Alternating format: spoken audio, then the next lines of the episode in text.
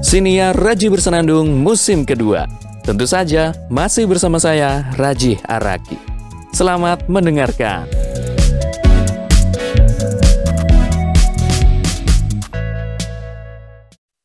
Nggak mungkin kita nggak ngerasain konflik ya atau pertentangan. Saya punya cerita unik soal konflik gede yang saya alami.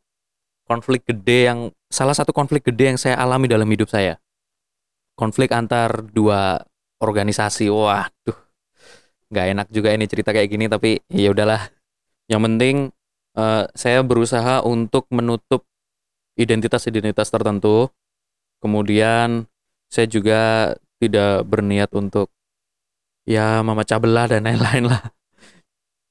Intinya ambil pelajarannya aja, ambil pelajarannya untuk ya pasti adalah nilai-nilai positif silahkan diinterpretasikan sendiri.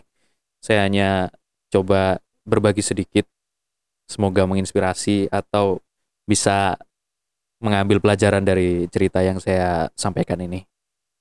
Ketika S1 dulu, saya pernah jadi uh, leader di sebuah organisasi kemahasiswaan. Kemudian di suatu momen, momen yang lebih tepatnya disebut pemilu mahasiswa, karena ada pemilihan presiden mahasiswa, kemudian gubernur mahasiswa. Kalau presiden mahasiswa berarti kan tingkat universitas kan, gubernur tingkat fakultas. Kalau ketua himpunan ya berarti biasanya tingkat jurusan. Kemudian ada ketua ketua senat, senat universitas, senat fakultas juga. Ada pemilihannya. Nah, di momen-momen yang seperti itu biasanya organisasi-organisasi kemahasiswaan itu mendelegasikan kader-kadernya, kader-kader terbaiknya untuk ikut menjadi calon dalam kontestasi politik di pemilu raya mahasiswa. Banyak tuh, termasuk organisasi yang waktu itu saya ketuai saya dan teman-teman sepakat untuk mendelegasikan ini, ini, dan ini. Nah, waktu itu juga saya sempat sampaikan ke beberapa kader untuk tidak ngambil resiko berbuat yang seenaknya sendiri karena itu nanti akan berimbas kepada organisasi. Nah, orang-orang sebenarnya kan sudah sama-sama tahu lah Anda dari organisasi mana, ini dari organisasi mana gitu kan. Nah, ketika pemilu raya kontestasi pemilu raya itu suasana tegang coy maksudnya rawan rawan konflik lah kita salah sedikit bisa jadi salah persepsi kemudian berakibat ke konflik. Begitulah kira-kira yang saya sampaikan ke teman-teman beberapa kader yang saya sampaikan tadi itu.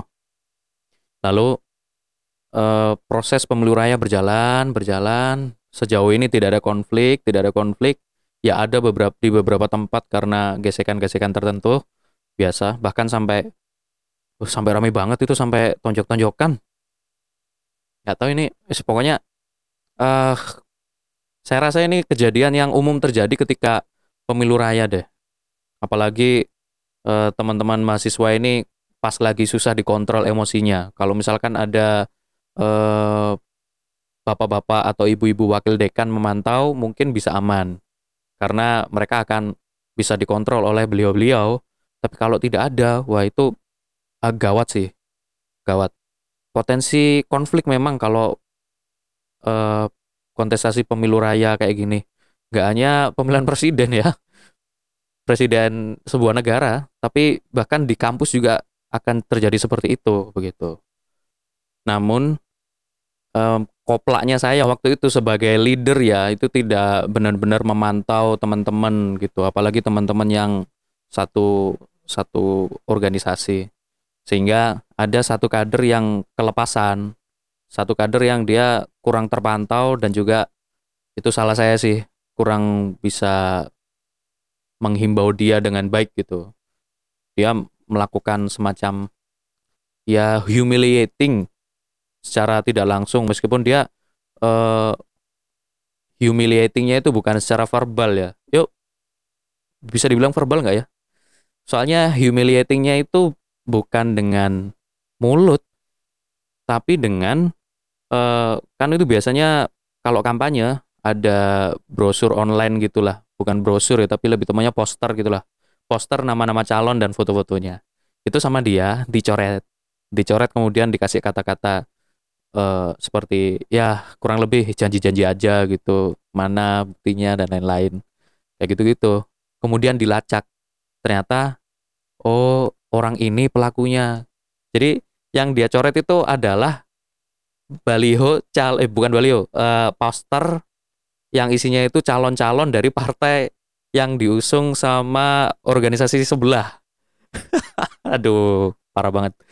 Parah banget. Habis itu secara tanggap orang-orang dari partai sebelah dan organisasi sebelah ya cari tahu dong siapa pelakunya. Kemudian ketemulah ya ini salah satu kader saya ini.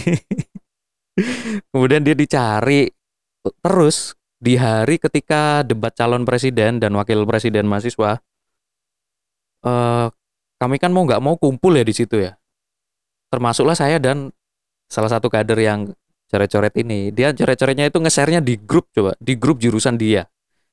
Dan dia mengatasnamakan diri sendiri. Ini bukan atas nama uh, organisasi di mana saya bernaung atau apa atau partai. Ini atas nama pribadi saya sendiri sebagai mahasiswa di organi eh, di jurusan saya gitu.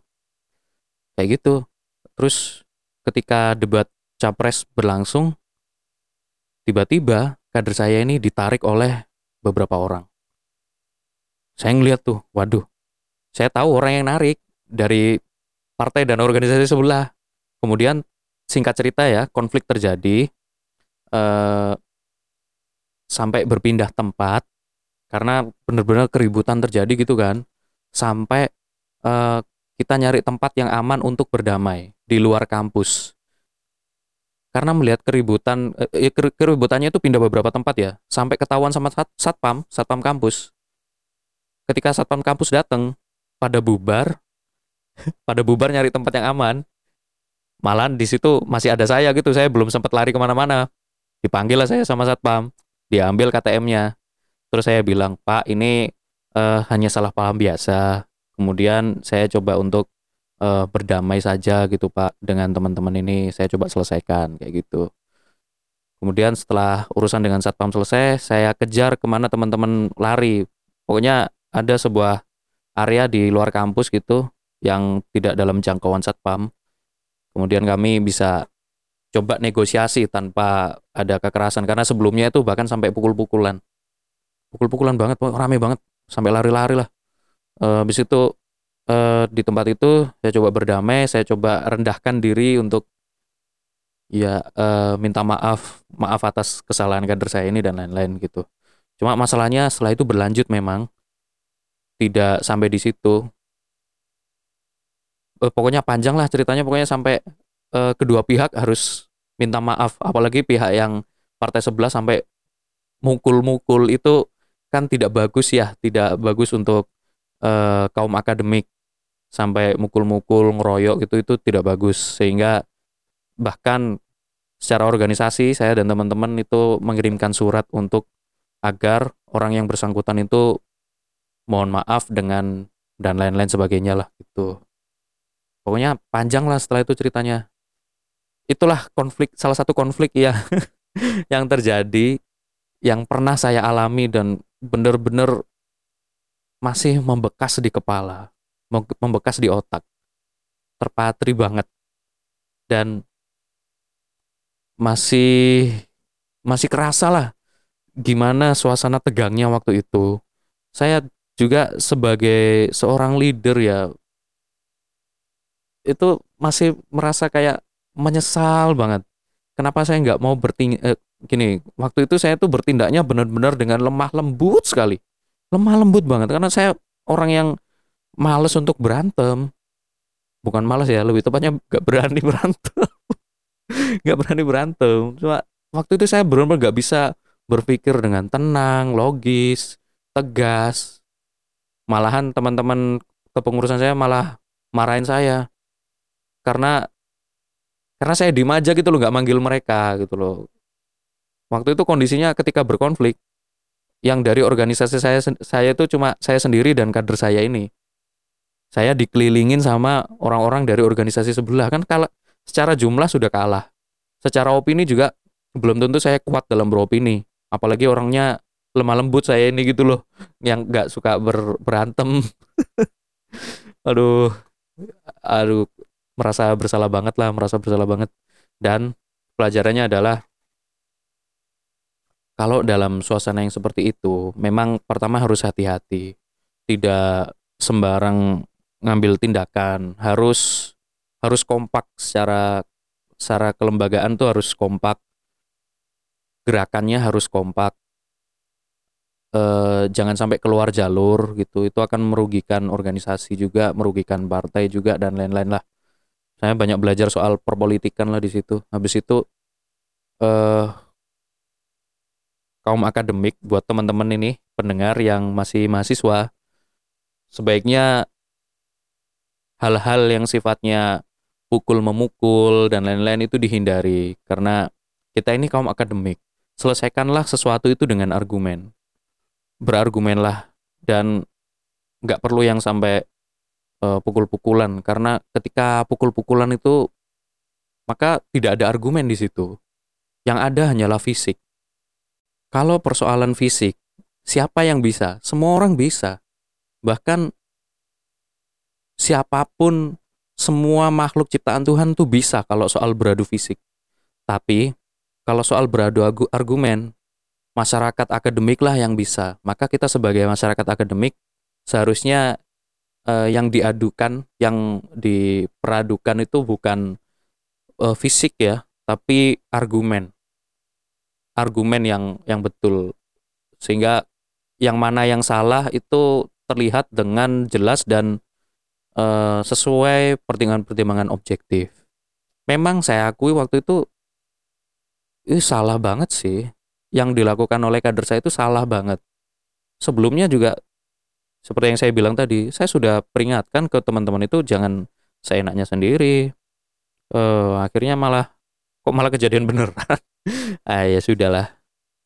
Itu uh, salah satu pertentangan yang saya alami.